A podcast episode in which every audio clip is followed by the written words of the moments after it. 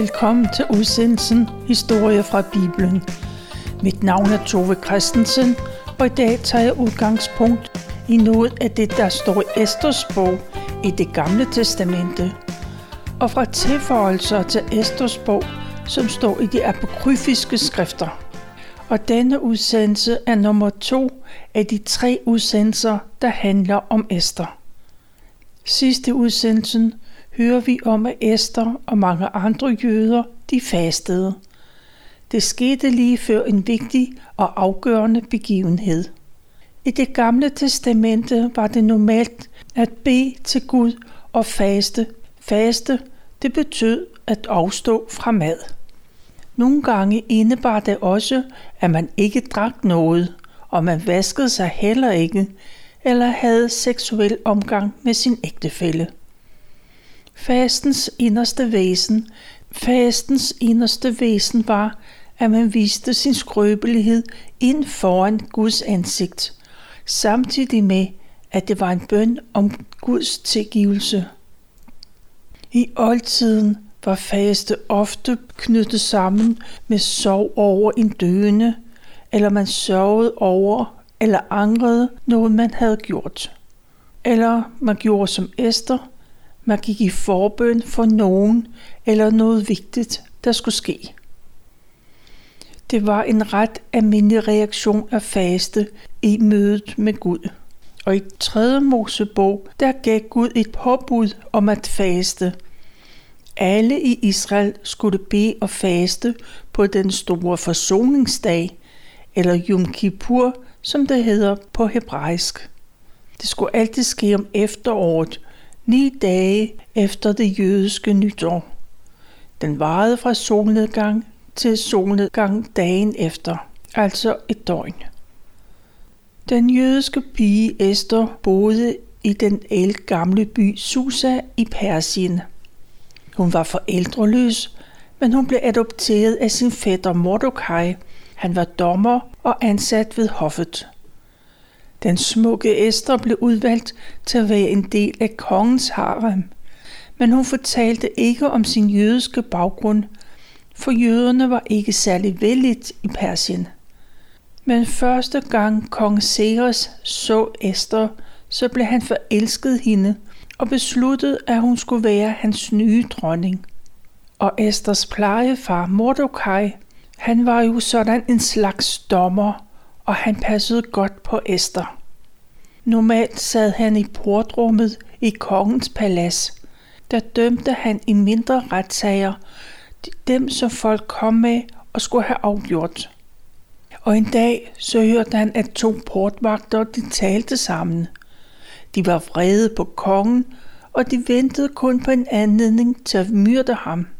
Mordecai gik straks til dronning Esther og fortalte om morplanerne – og Esther, hun fortalte det videre til kongen. Kongen fik undersøgt sagen, og det resulterede i, at de to skyldige mænd det blev henrettet. De blev hængt begge to. Men vagternes ven Haman, han var vred på Mordecai, fordi han havde afsløret hans venner. Han gav Mordecai skylden, og gennem ham ville han ramme alle jøder, men han måtte vente, til der kom en passende anledning. Før vi øh, går videre, så spiller vi en sang. Men øh, jeg vil lige minde om, at meget af det, jeg kommer til at fortælle, det er faktisk hentet fra de apokryfiske skrifter, som nogen anser som en del af Bibelen. Men nu spiller vi Alt står i Gud Faders hånd –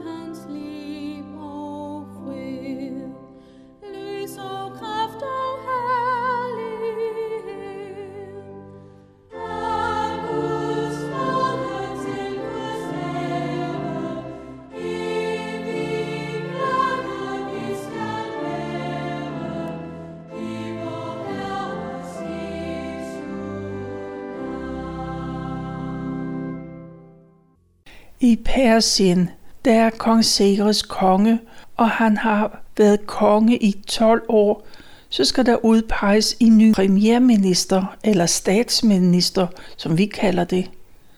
Den, der får stillingen, bliver landets næst vigtigste mand. Det er kun kongen, der står over ham. Det er ikke en stilling, man kan søge eller blive valgt til. Det er kongen, der egenhændigt udpeger. Kongen udnævner Haman til regeringschef, og han nedstammer fra amalekitterne, det vil sige, han har Esau som stamfar. Ja, det er patriarken Jakobs tvillingbror. Amalekitterne og jøderne eller israelitterne, de har igennem århundrede været fjender. De har ofte været kamp de to stammer imellem.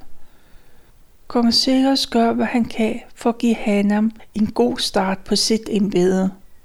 For han laver en lov om, at alle hans ansatte de skal knæle ned og hylde ham, når han går forbi. Og kongens ord, det er jo lov, og fra den dag, så knæler man ned og hylder Haman. Og det passer den arrogante Haman ganske glimrende. Alle bøjer sig, undtagen Mordecai. Han er jøde, og han vil ikke hylde et menneske, som om han var en gud. Når alle andre knæler ned, så bliver Mordecai stående. Statsministeren Haman, han opdager til synlædende ikke noget. Men de andre ansatte, de bemærker det, og de er bekymrede på Mordokais vegne. De er sikre på, at det vil ende galt, men han nægter at bøje sig for en menneske. Til sidst så kan kollegaerne ikke holde hånden over Mordecai længere. Og de går til Haman og fortæller, at Mordecai ikke knæler ned for ham. Og Haman, han bliver rasende. Han vil hævne sig på Mordecai, men det er ikke straf nok. For Haman beslutter, at han vil hævne sig på alle jøder i hele det persiske rige, uanset om jøderne bor i Susa, i Babylon eller i Jerusalem. De er alle dele af det persiske rige. Haman har endelig fået den magt, der skal til, for alle jøder skal udryddes en gang for alle. Og Haman udtænker en plan, og så mangler der bare det rigtige tidspunkt. Han vil kaste lod om hvilken dag det skal ske. På den 13. dag i den første måned af året, så går Haman ind på sit værelse, og der kaster han lod om dage og måneder. Og loddet falder på den 13. dag i den 12. måned. Det er den dag alle jøder i hele Perseriet, de skal dø. Og nu er datoen på plads, og Haman, han har næsten et år til forberedelserne. Han går ind til kongen og siger, at der findes et særligt folk, der bor i landet.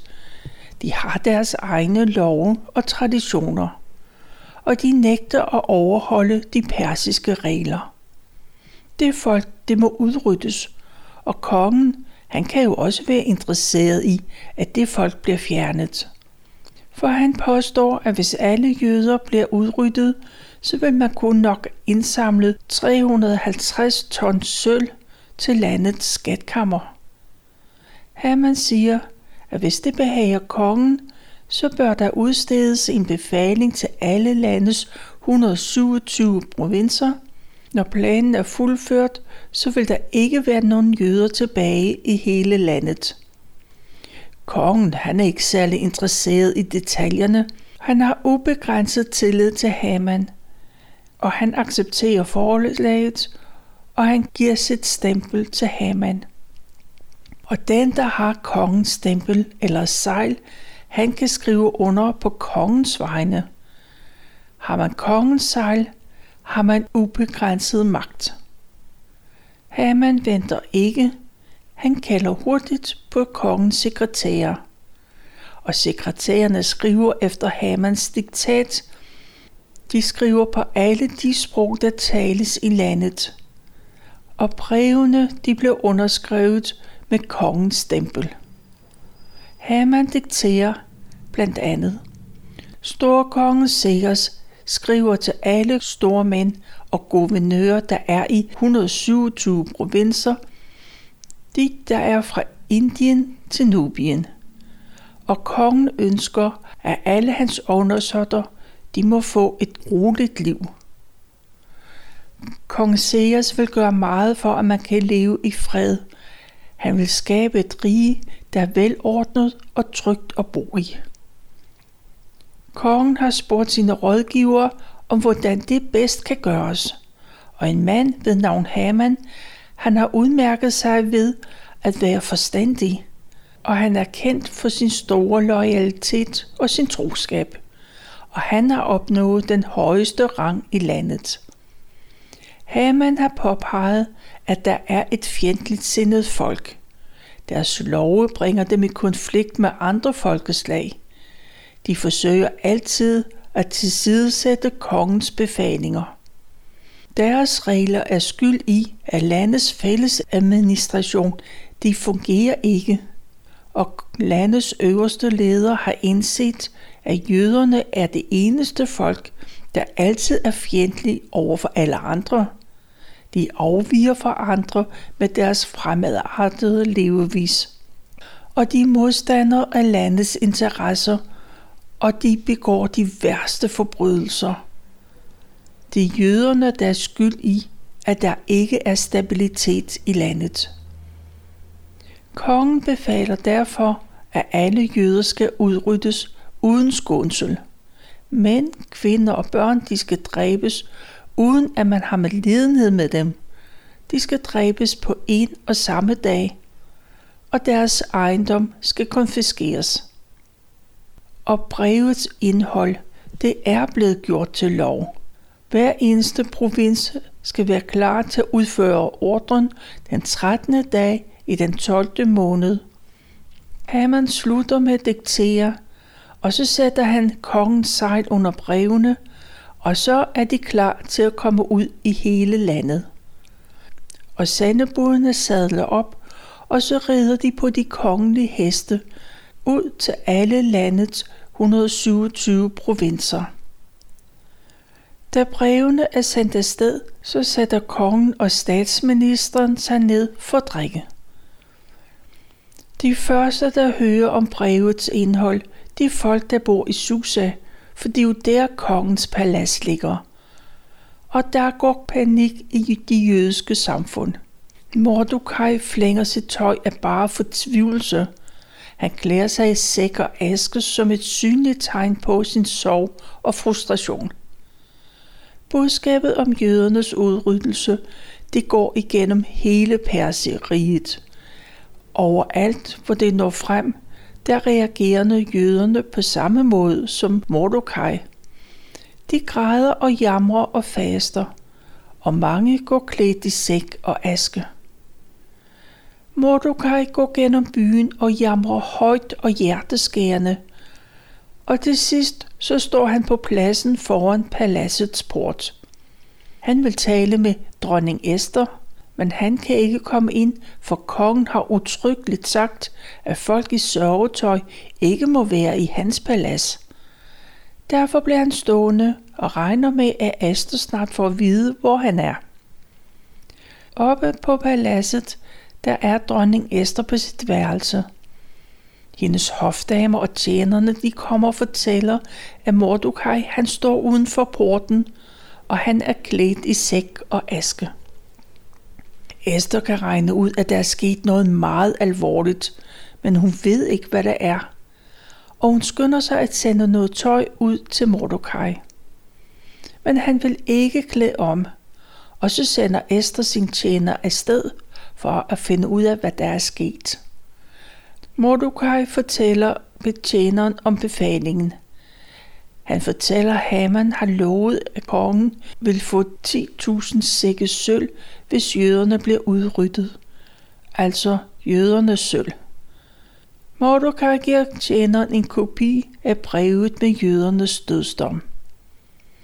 Og tjeneren skynder sig tilbage til Esther og fortæller hende det hele.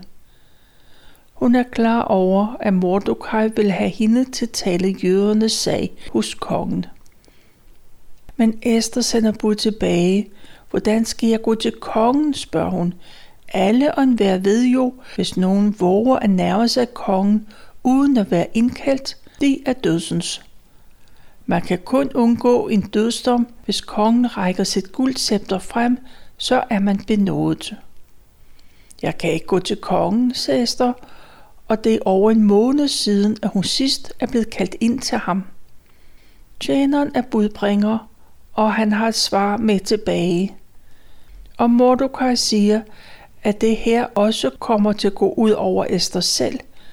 Hun kommer til at dele skæbne med sin landsmænd. Mordecai er sikker på, at hvis hun ikke taler med kongen, så hjælper Gud jøderne på en anden måde. Men hvis Esther ikke handler nu, så skal både hun og hendes nærmeste dø. Måske er Esther netop blevet dronning, for at hun kan gøre noget i den alvorlige situation, de alle er i. Og først nu indser Esther alvoren, og hun erkender, at hun har en særlig mulighed og et særligt ansvar. Endnu en gang må tjeneren gå ud til Mordecai, for Esther hun vil have alle til jøder kaldt sammen. De skal bede og holde en total faste for hende i to døgn. Uafbrudt skal de bede til Gud, og de må intet spise eller drikke. Efter de to døgn vil hun gå til kongen, også selvom hun risikerer sit liv. For Esther hun er klar til at dø for sit folk. De jødiske samfund de samles i bøn til Gud. Mordecai, han er der også. Han husker på alle de gange, som Gud har været med israelitterne. Og så beder han, Herre Gud, du som hersker over alle ting. Du kender alt. Du, Gud Herre, jeg har ikke handlet i overmod eller hovmod, da jeg undlod at kaste mig ned for den hovmodige Haman. Jeg vil gerne have kysset hans fodsåler, hvis bare Israel kunne frelses. Men jeg vil ikke vise et menneske større ære end Gud. Jeg vil ikke kaste mig ned for nogen, undtagen for dig, du som er min herre. Det er ikke i hovmod, jeg har handlet sådan. Gud Herre, konge, Abrahams Gud, skån dit folk og hør min bøn. Vend vores sorg til fest, for vi må kunne leve og lovsynge dit navn. Lad ikke den røst og din lovsang forstumme. Sådan beder Mordecai til Gud. Han råber til Gud af al sin kraft. Han beder sammen med andre jøder, for deres liv det vil blive kort, hvis Gud ikke griber ind. Og Esther, hun beder også til Gud, for hun er dødsens bange. Hun tager sin smukke dronningedragt af, og hun tager angstens og sorgens dragt på i stedet for. Hun tager sine festsmykker af, og hendes hår det er uret. I stedet for dyre cremer kom hun aske og snavs i ansigtet. Hun bærer og faster til Gud, Israels Gud, og hun siger, min Herre, vor konge, du er den eneste. Hjælp mig, der står alene og ikke har nogen til at hjælpe andre end dig, for jeg risikerer mit liv. Siden jeg blev født, har jeg hørt, at du, Herre, har udvalgt Israel, og vi skal være den evige ejendom. Læg mig de rette ord i munden, når jeg står over for kongen, og væk hans had imod ham, der vil vores undergang. Må han og hans ligesindede gå til grunde. Hjælp mig, for jeg står alene og har ikke nogen andre end dig til at hjælpe mig. Herre, du ved, at jeg er under tvang, og jeg afskyr de tegn på min høje stilling, som jeg bærer på hovedet de dage, jeg må lade mig se. Jeg har ikke spist ved Hamans bord, og jeg har heller ikke kastet glans over kongens gilder. Lige fra den første dag, jeg kom til paladset og indtil nu, har jeg ikke kunne glæde mig over noget andet, undtagen over dig, Herre, Abrahams Gud. Gud, du som har magt over alle, hør de fortvivlende råb. Red os fra forbrydelsernes hånd og befri mig fra min frygt. Da Esther er færdig med B, tager hun sin sørgedragt af. Hun tager igen sit smukke tøj på og klæder sig i al sin pragt. Så sender hun sin sidste bøn op til Gud og kalder på to af sine piger. Den ene støtter hende, sådan som en fornem dame bliver støttet. Den anden går bagefter og bærer hendes slæb. Esther går gennem gange og sale, og hun stråler i sin skønhed. Hendes ansigt er glad og indtagende, men i hjertet har hun en knugende frygt. Og Esther stanser først uden for tronsalen. Inde i salen sidder kongen på sin kongetrone. Han er iført hele sin rigtige kongeskrud. Han er fuldstændig dækket af guld og edelsten, og det er et frygtindgydende syn. Kongen ser op, og hans ansigt skinner i alt det guld, der omgiver ham. Men da han får øje på Esther, så stiger en hissighed op i ham. Esther ser kongens frede ansigtsudtryk, og hun bliver lige bleg. Hun besvimer og falder sammen hen over den ene af pigerne. Men det ender ikke i en katastrofe, for Gud har hørt alle de bønder, der er bedt. Og Gud vender kongens vrede til mildhed. For da kongen ser Esther falde om, så bliver han bange. Han springer op fra sin trone og tager hende i sine arme. Da Esther kommer til sig selv, så opmuntrer kongen hende til at tale. Hvad er der, Esther, siger han. Du skal ikke være bange, for du skal ikke dø. Loven om, at man kun må træde frem for kongen, når man bliver tilkaldt, den gælder kun for almindelige mennesker. Og så omfavner kongen igen Esther og opmuntrer hende til at sige noget. Esther siger, at hun ser kongen som en Guds engel, og hendes hjerte skælver i frygt for hans herlighed. For kongen er ære og frygt indgydende, og hans ansigt er fuld af værdighed. Og så spørger kongen, hvad det er, hun har på hjertet. Og dronning Esther, fortæl mig, hvad du ønsker. Jeg vil give dig alt, hvad du beder om. Du må få alt, om det så er det halve kongerige. Og Esther siger, at hun vil invitere både kongen og statsministeren Haman til middag den samme aften. Det er en middag, som hun har brugt hele dagen på at forberede. Den bøn, den kan kongen ikke sige nej til. Middagen, den er en del af en større plan. Vi når ikke at høre om den nu, men Gud hører alle de bønder, der er bedt, og det ender med, at Hamans onde planer bliver afsløret, og han bliver hængt. Mordecai derimod, han blev hædret og fik Hamans stilling som statsminister. Og ikke mindst fik han forhindret, at de jødiske folk blev udryddet, for loven om at dræbe alle jøder var jo vedtaget og underskrevet med kongens stempel. Det er, hvad jeg valgte at fortælle fra Esters bog kapitel 3 og 4, og fra tilføjelserne til Esters bog B, C og D, der står i de apokryfiske skrifter. Vi slutter udsendelsen med at spille sangen Den kærlighed, som Gud har vist. Thank you